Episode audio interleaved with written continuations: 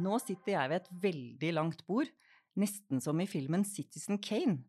Men eh, dette er altså ikke en scene fra et ekteskap der partnerne har sklidd fra hverandre, men en pandemirammet podkast. Og foran mikrofonen i dag sitter to av Norges vasseste leseeksperter. Etter 30 år som redaktør og forlagsredaktør i Aschehoug har eh, Kari Spjeldnes nå returnert til akademia og denne gangen som stipendiat ved Høgskolen Kristiania. Og hun deltar i forskningsprosjektet Digitox, som undersøker dilemmaer knytta til digitalisering og digitale medier. I høst har hun til og med utgitt boken Lese. Velkommen til oss, Kari. Tusen takk, Gunn. Og Marte Blikstad Ballas, hun er vår andre gjest. Hun er professor ved Institutt for lærerutdanning og skoleforskning. Blikstad Ballas forsker på lesing og skriving som sosiale praksiser, og om hvordan internett egentlig brukes i skolen. Og I 2017 så ble hun også tatt opp som medlem i det prestisjetunge Akademiet for yngre forskere. Velkommen, Marte. Tusen takk. Ja, eh, nå er det pandemi, men det er også snart eksamenssesong her på Blindern. Så vi har mange studenter som sitter og leser til eksamen i disse dager. Vi vet at eh, de har mobilen ved siden av seg. Eh, vi vet at de egentlig burde fokusere på lesningen, men dette er eh, noe vi ser stadig mer av, at det blir vanskelig å konsentrere seg. Det gjelder særlig for studenter, selvfølgelig, men også for hele befolkningen. Hvordan er det for dere Opplever dere at det er vanskeligere å konsentrere seg om en bok nå enn før? For dere er jo leseeksperter, proffe lesere. Altså, jeg eh, merker at, eh, at, jeg må prioritere lesing litt mer og sette av tid til det for å få det til, nettopp fordi det er så mye annet som skjer hele tiden. Så jeg prøver å være ganske strukturert eh, og sette vekk mobilen og bestemme at nå er det lesetid. Og da kan jeg lese ganske lenge av gangen. Men jeg kjenner meg veldig igjen i det her behovet for å sjekke om det har skjedd noe, eh, og, og, disse distraksjonene som vi simulerer helt selv hvis vi er vant til å bli avbrutt hele tiden. For det er jo det som er litt spennende med den hjerneforskningen på lesing også, at den viser at hvis vi er vant til avbrudd fra mobilen hele og hele tiden sjekke om det har skjedd noe, så vil vi simulere de. Eh, også når vi sitter alene på hytta og leser en bok, så vil vi forvente avbrudd eh, og nærmest skape de selv. Og det er jo noe av grunnen til at, eh, at jeg syns det er veldig viktig å prioritere langlesing og dybdelesing. At man eh, beholder den evnen til å sitte konsentrert og, og virkelig fordype seg i en bok. da. Ja, så du sier at vi blir programmert til å forvente avbrytelser? Ja, men det høres jo veldig deterministisk ut. Da høres det litt ut som løpet er kjørt, og det er det virkelig ikke. Så det, dette er jo noe vi kan kontrollere selv også, og det handler jo litt om eh, at man bestemmer seg for, for, å lese lenge av gangen. Men eh, en ting jeg syns er viktig, er jo at vi på en måte har forståelse for f.eks. For når lærere sier til meg at oh, det virker som det er enda vanskeligere enn før for ungdommen å, å lese en, en, tekst på to sider, så er det sånn ja, men det er det faktisk. Det er vanskeligere for de nå enn det var før. Mm. Fordi de er vant til avbrudd hele tiden. Veldig interessant. Jeg får veldig lyst til å følge opp med en gang jeg, noe av det Marte sier om det med at uh, hjernen vent, forventer avbrytelser, eller at vi ø, oppfører oss som om vi har avbrudd. Fordi jeg har også interessert meg for den hjerneforskningen du viser til, uh, Marte. Og um, slik jeg har lest det og syns er kjempeinteressant, er at hjernen er jo et sånn fantastisk organ og ansamling av nerveceller. Så den kan jo gjøre nesten hva som helst. Og den gjør særlig det vi lar den gjøre ofte. Sånn at når hjernen blir vant til mange avbrytelser, så blir eh, Eh, vi flinkere til å skjønne de omgivelsene vi, lar, eh, vi skal konsentrere oss om. Hvis vi sitter og cruiser på nett, så kan det jo være det. Er det en nettannonse? Er det en podkast? Er det en nyhetsmelding? Eller er det en tekst? Og så blir den flinkere til å tilpasse seg raskt enn faktisk å fordype seg i det vi skal lese.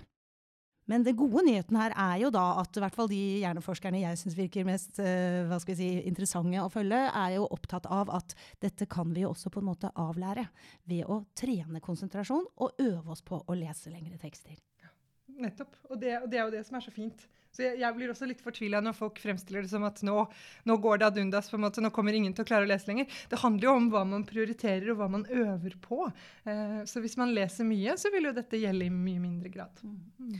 Men det jeg tror er en kjensgjerning Du spør jo om vi kjenner på, på den uroen og de uh, avbrytelsene i vår hverdag. Og jeg må svare som Marte, ja. Faktisk var et av mine utgangspunkt for at jeg kom på at jeg skulle skrive en bok om lesing, etter å ha jobbet med litteratur og lesing i hele mitt voksne liv, det var jo at jeg selv kjente på at min konsentrasjon ble litt mer sånn flummig, og at jeg stadig selv satt og leste noe jeg gjør veldig gjerne. Så rykket liksom telefonen bort mot armlenet eller bordet hvor telefonen lå. tenkte jeg dette her er jo ikke bra.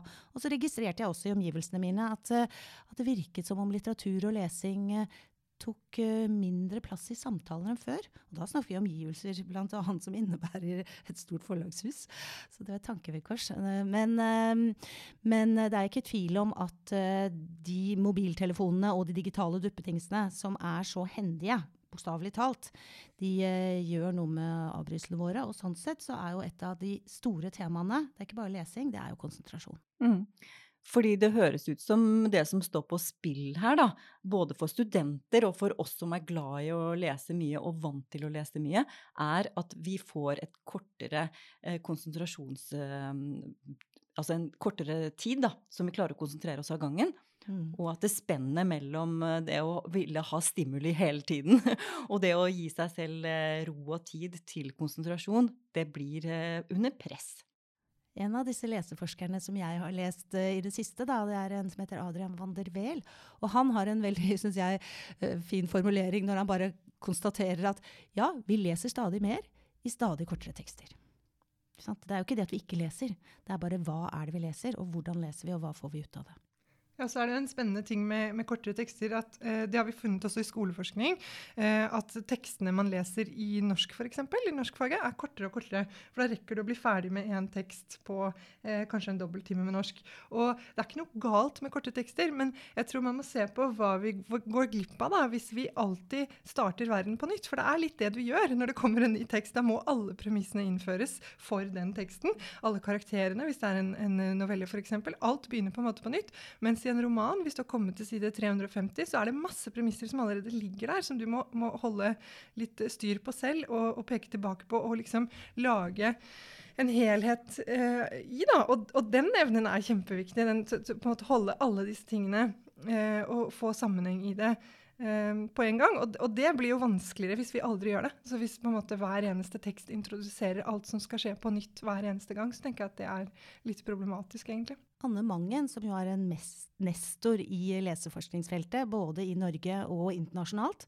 Hun er professor ved Leseforskningsinstituttet ved Universitetet i Stavanger. Hun er jo veldig opptatt av de tingene som Marte nå sier, og legger særlig vekt på betydningen av å lese lange tekster, og også det å lese romaner. Fordi når vi leser, så er jo det med å, eh, hva vi henter ut av teksten, og eh, skape leseforståelse. Og der virker romanene på Altså har veldig god også oppdragende effekt. Fordi vi trener oss i akkurat det med å ta vare på informasjon fra tidlig i teksten som vi trenger for å hente mening ut av handlingen lenger ut. Og vi trener jo også ordforråd og blir derved bedre lesere. Vi kan rett og slett lese raskere når vi har et godt ordforråd. Og da, for å lese romaner, så er det en fordel å lese sammenhengene over tid. Sånn at vi trener faktisk også leseevnen. Får får ikke bare med oss det vi leser i øyeblikket, men vi blir bedre lesere av å lese romaner. Mm. Og det å lese lange tekster, altså lange romaner, jeg liker f.eks. ofte det. Eh, jeg liker eh, lange bøker nettopp av den grunn som du sier, Marte, at man kommer ordentlig inn i et univers og får være der lenge. For det tar ofte litt tid å komme inn. De første 50 sidene kan være noen ganger litt tunge, men når man er inne i boken, og i hvert fall hvis boken er god, så vil man gjerne være der. Og får liksom ro av å være der. Så det å å lese gir jo avkobling, eh, i hvert fall for meg, og jeg tror for mange i en sånn hektisk hverdag. Og det er, det er jo viktigere og viktigere å få disse lommene av tid til å bearbeide ting, og, og bare rett og slett komme inn i et annet eh, liksom, tankerom. Eh, men eh, Kari, når du skrev den boken 'Lese', du sier motivasjonen din var at du selv merket at det var vanskelig å konsentrere seg. Eh, men ønsker du også å få folk til å ja, bli bedre lesere? Få denne treningen som vi snakket om? Altså er du en misjonær for lesing? Ja, det vil jeg svare. Jeg har faktisk begynt, Det var en som sa til meg, da, som var en leser av manus underveis, og så hun på meg og sa men du har jo blitt en aktivist. Og så tenkte jeg ja, det kan jeg faktisk påta meg. Jeg vil gjerne være en leseaktivist. Uh, men, uh, men uh, det viktigste her er jo egentlig å få fram verdiene ved lesing i en tid hvor jeg opplever at det har det med å bli nesten noe vi tar litt for gitt. Og der er det Det å sette seg inn i nye felt er jo veldig spennende, fordi man altså får kunnskap om ting man ikke visste før.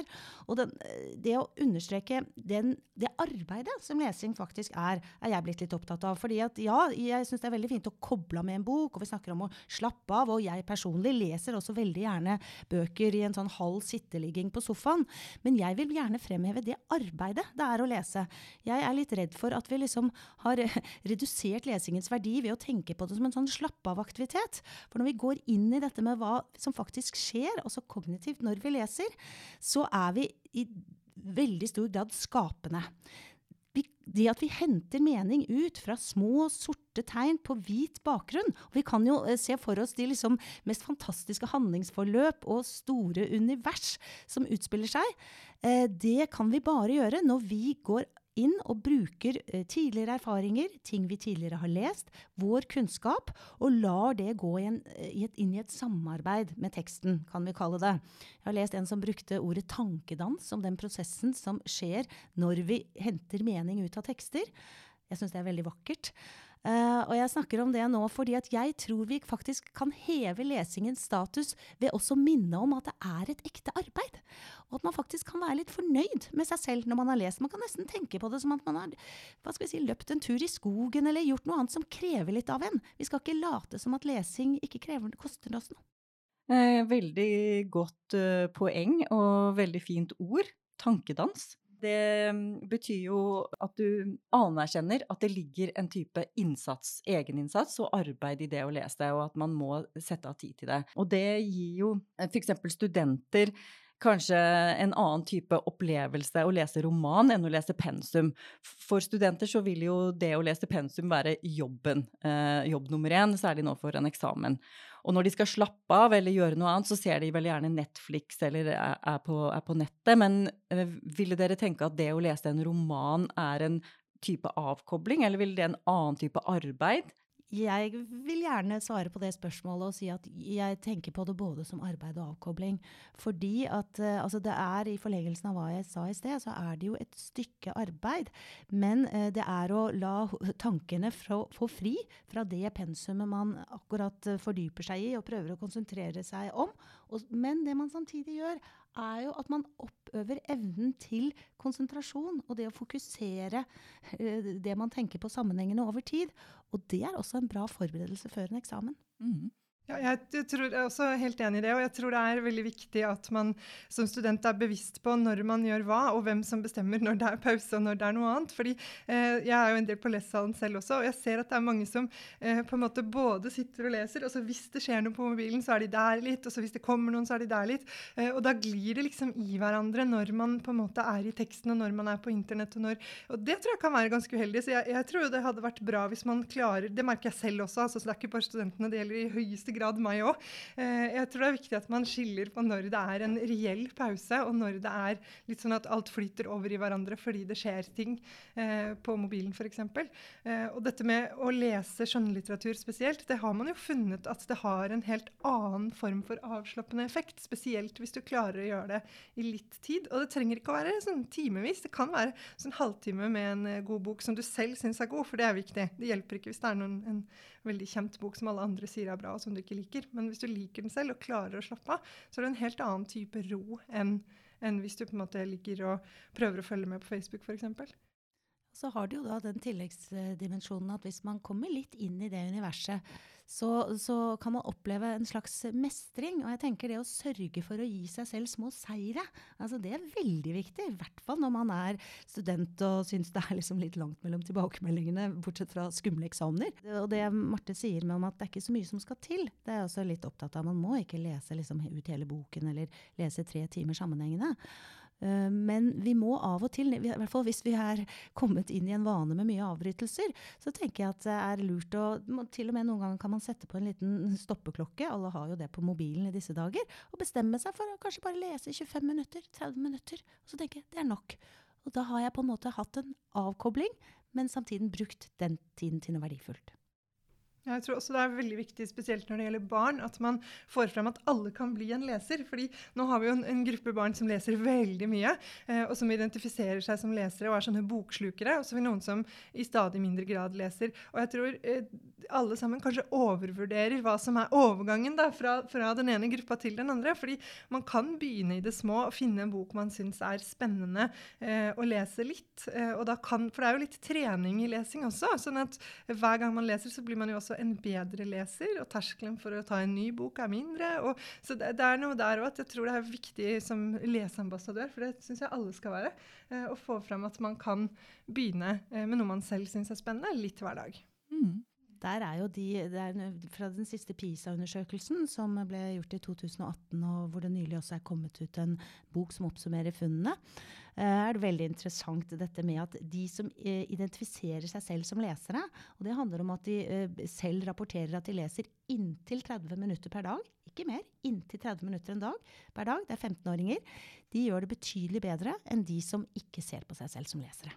Så det er jo akkurat det Marte sier. Man har jo sett eh, noe av det samme. Dette, dette, det syns jeg er et utrolig fint spørsmål som man har hatt i flere sånne internasjonale undersøkelser. er Ville du blitt glad hvis du fikk en bok i gave? Og det sier veldig mye om hele den leseidentiteten, om du svarer ja eller nei på det. Det henger jo også sammen med leseresultater. Ja, og blir man glad for det, å få bok i gave? Hva viser statistikken?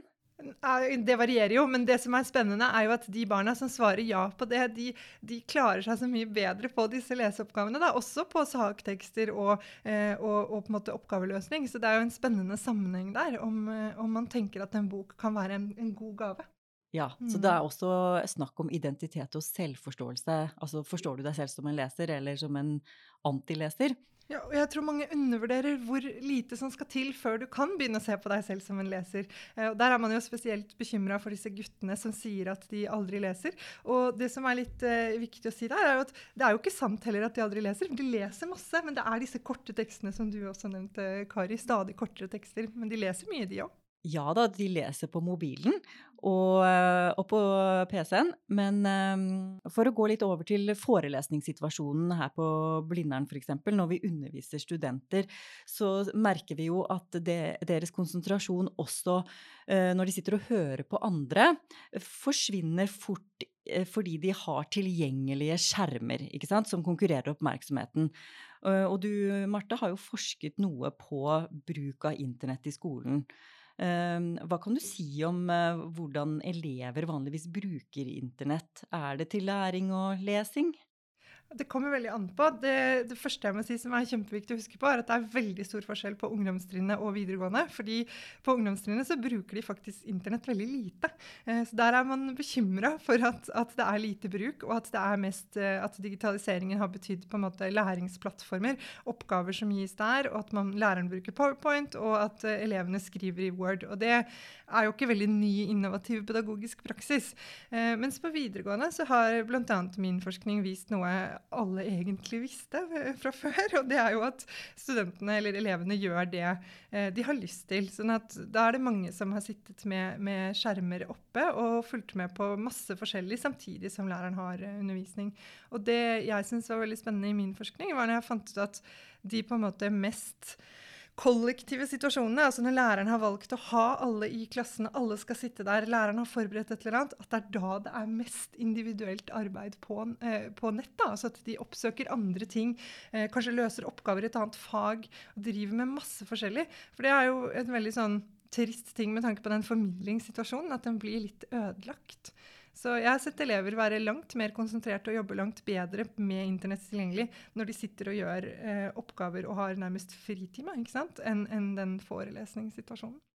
Mm. Så da fungerer det godt? Ja, det fungerer i hvert fall bedre når de har noe konkret å gjøre. For jeg tror mange elever eh, kan synes det er mye å sitte og følge med på over lang tid, samtidig som de har disse digitale fristelsene veldig, veldig tilgjengelige. Mm. Ja, det er jo digitale fristelser, og fristelser kanskje til å ta snarveier i, i læring og ja, Jeg vet ikke hva Du har vel sett litt på Wikipedia-bruk. Um, og hvordan det er blitt en enkel måte å finne uh, svar på komplekse spørsmål, uh, og at uh, elever også bruker det i stor grad. Og det skal man jo bruke, eller det er jo vel anbefalt. Eh, både Wikipedia og Store norske leksikon som en slags inngangsport til å lære nye felt. Eh, men eh, vi har jo også diskutert det her på, på universitetet. Liksom, er det greit om våre bachelorstudenter bruker Wikipedia som kilde? Så hvordan, hvordan står din forskning på, på dette spørsmålet? Altså Det min forskning viser der, er jo igjen noe enhver lærer kunne fortalt oss, men jeg har dokumentert det ganske grundig, syns jeg selv. da. Eh, det er jo hva elevene tenker om denne Wikipedia-bruken. Og der er det mye spennende. fordi eh, en av de tingene jeg syns er veldig interessant, er jo at de selv opplever det som den klart beste kilden. Så selv i situasjoner hvor lærerne sier at her kan dere bruke norskboka, eh, dere kan bruke denne fagboka fra side D til D, så velger de allikevel Wikipedia nesten hver eneste gang. Og mange av de elevene jeg har gjort uh, spørreundersøkelser med, de sier at det største problemet med Wikipedia handler ikke om Wikipedia i det hele tatt, men om at lærerne kollektivt ikke liker det. Og det er en veldig spennende uh, argumentasjon, syns jeg, for de opplever altså at de får det de trenger fra Wikipedia. Og det tenker jeg sier mye om de oppgavene de får. fordi hvis det er sånn at den viktigste teksten i norsk skole i dag er et leksikon med ferdig tygd faktainformasjon og bare faktasetninger om hvordan verden er, så tror jeg det sier ganske mye også om hva slags oppgaver de elevene blir bedt om å besvare. For det fins veldig mange analytiske innganger til fagstoff hvor Wikipedia ikke kunne hjulpet deg så veldig mye, egentlig. Utover en sånn første sondering, kanskje. Mm. Så jeg syns ikke man skal skylde altfor mye på elever som går på Wikipedia hver gang, for jeg tenker at det sier noe om elevene, og kanskje enda mer om oppgavene de får. Mm. Så problemet er ikke Wikipedia, men problemet er på en måte skolens oppgave opplegg, da, eller læringsmål. Det ligger dypere. Ja, jeg tenker litt det. Og jeg tror jo det blir en endring nå med de nye fag, eh, altså læreplanene og mer vekt på refleksjon og analyse, og at man vil ha bedre overgang til høyere utdanning. For det er jo et av de uttalte målene med de nye læreplanene, at overgangen skal bli mildere fra eh, studieforberedende til eh, her hos oss på Blindern f.eks. At man skal være mer forberedt på å gjøre noe annet med fagstoffet enn å gjengi det. Fordi det du kan gjøre med leksikon, er først og fremst å gjengi andres faktainformasjon. Og noen ganger er det kjempenyttig og veldig lurt, eh, mens eh, du kommer deg ikke gjennom en master på Blindern med det, heldigvis. Ah, godt er det. Vi kan ikke ha eh, master i Wikipedia her. I hvert fall ikke hvis masteren er bare det samme som står på Wikipedia. Jeg må jo si at jeg syns jo kvaliteten på Wikipedia har blitt veldig mye bedre. Og på, på, på, på en måte eh, saker og innlegg som handler om noe eh, som er viktig, og som mange bryr seg om, så er jo innholdet ofte veldig, veldig godt.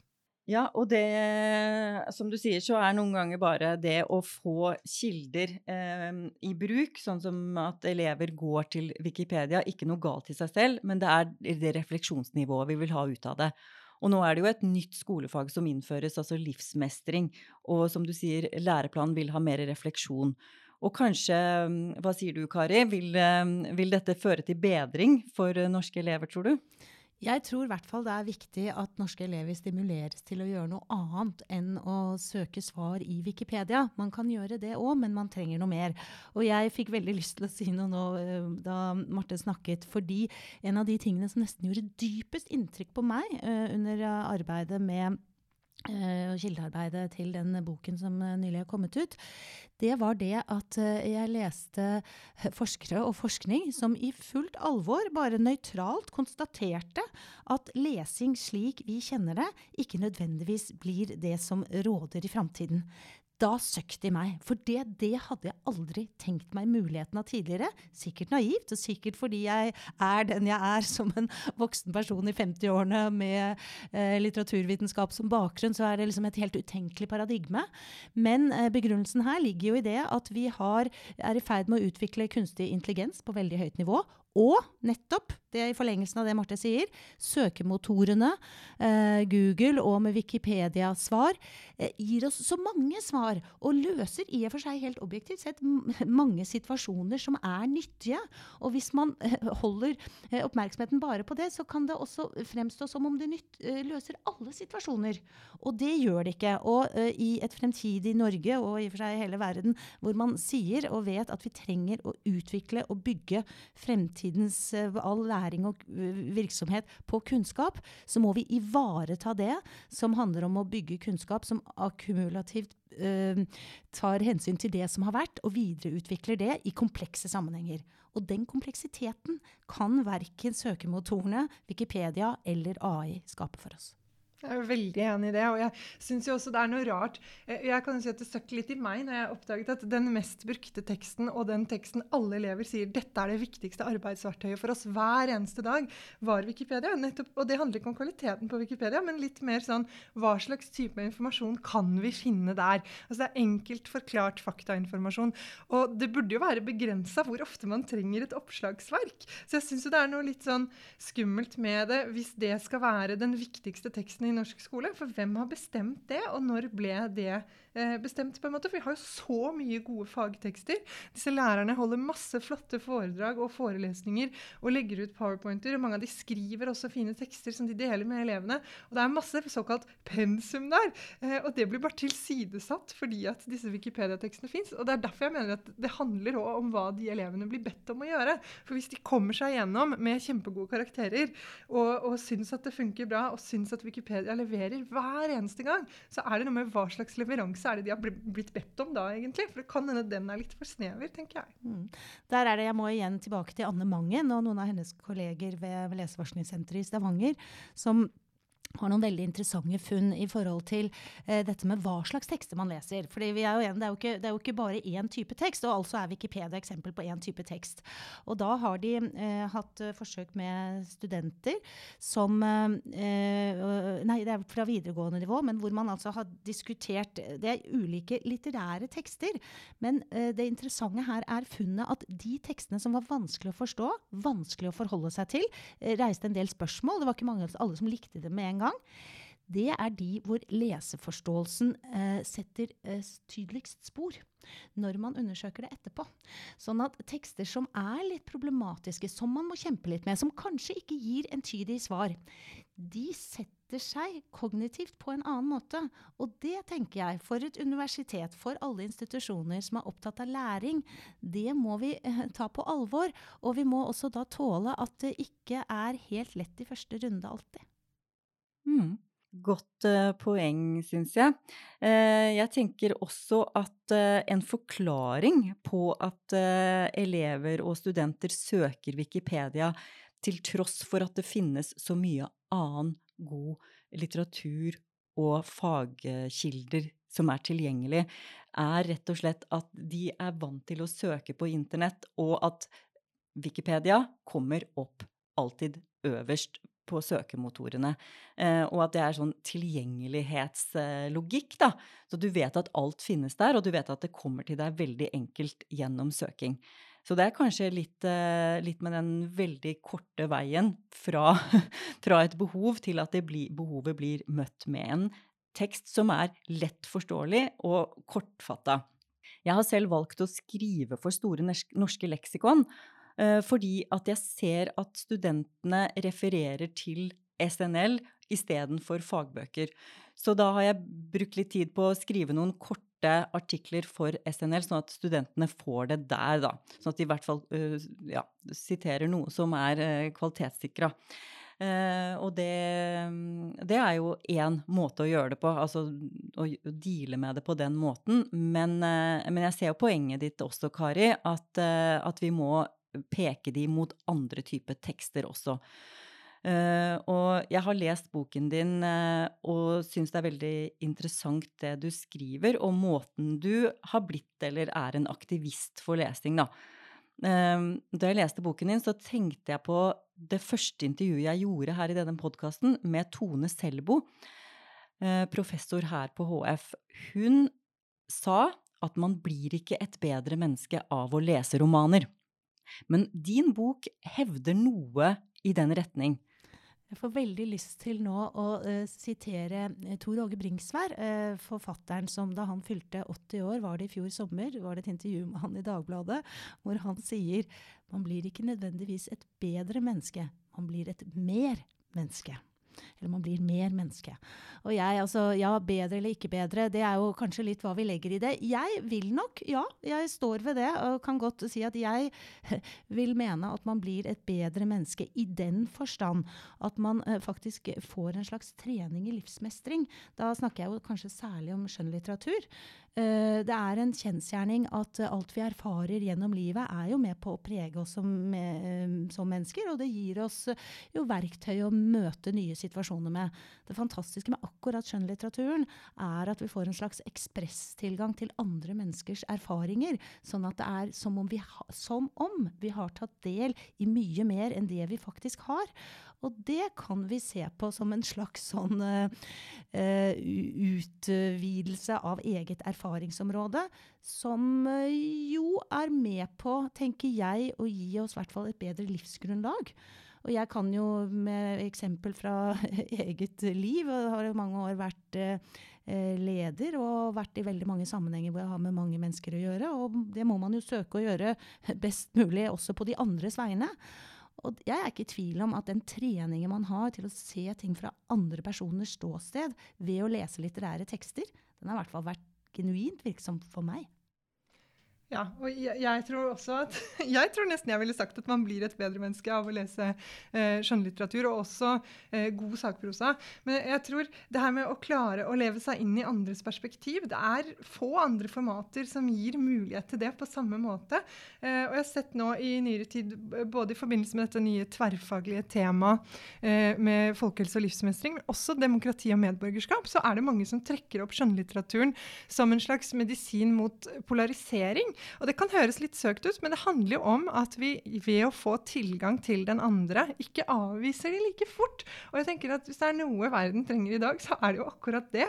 At vi i stedet for liksom bare erklære alle som idioter og ta avstand fra hverandre hele tiden, leser om hvordan det er å være den andre fra et innenfra-perspektiv. Og det kan til og med en kort roman på 120 sider klare.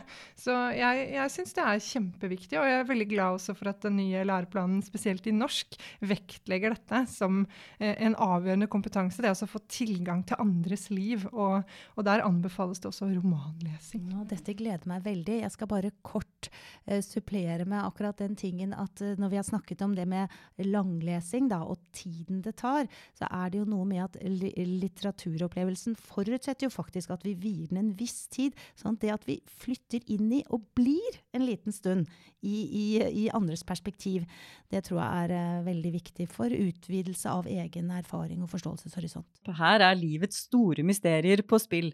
Uh, men en av mine som praktiske bekymringer som studiedekan, det er studentenes evne til å konsentrere seg om lange tekster, altså pensumtekster, men også det å skrive masteroppgave.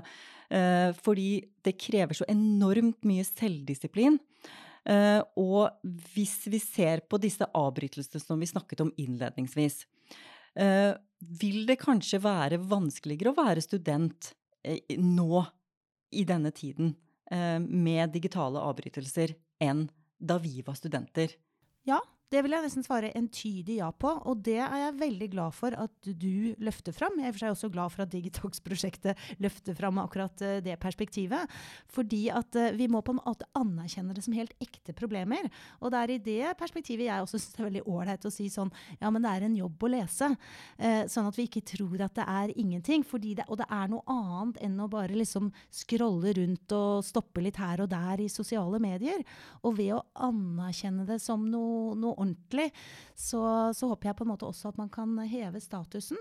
Uh, jeg har opplevd selv, og litt nå under et forskningsarbeid som så vidt er i gang, og det gjør inntrykk på meg å snakke med unge mennesker som også, også gir uttrykk for at uh, det er De opplever selv en utilfredsstillelse ved denne liksom, ageringen på i Facebook og Instagram hele tiden. Så jeg tror at hvis man kan prøve å hjelpe dem med å lage noen enkle oppskrifter, kjøreregler, som det går an å forholde seg til, og helt banalt tenker jeg av og til at altså, aviser og allmennmedia er fulle av sånne greier om hvordan du skal komme deg i form til å løpe fem kilometer eller ti kilometer.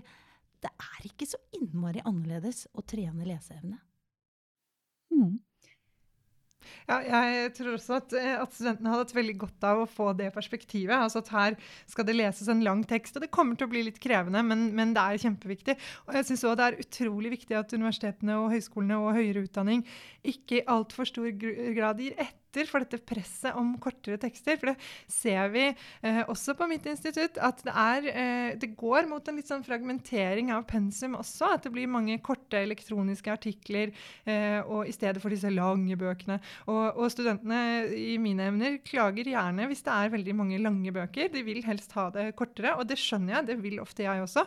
Men jeg tror det er viktig å ta vare på denne evnen til å klare å lese et sammenhengende perspektiv over, over mange hundre sider, da, hvis det er det som er den beste innføringen innføringen i det, i det mm. emnet. Mm. Mm. Veldig nyttig og veldig interessant å snakke med dere i dag.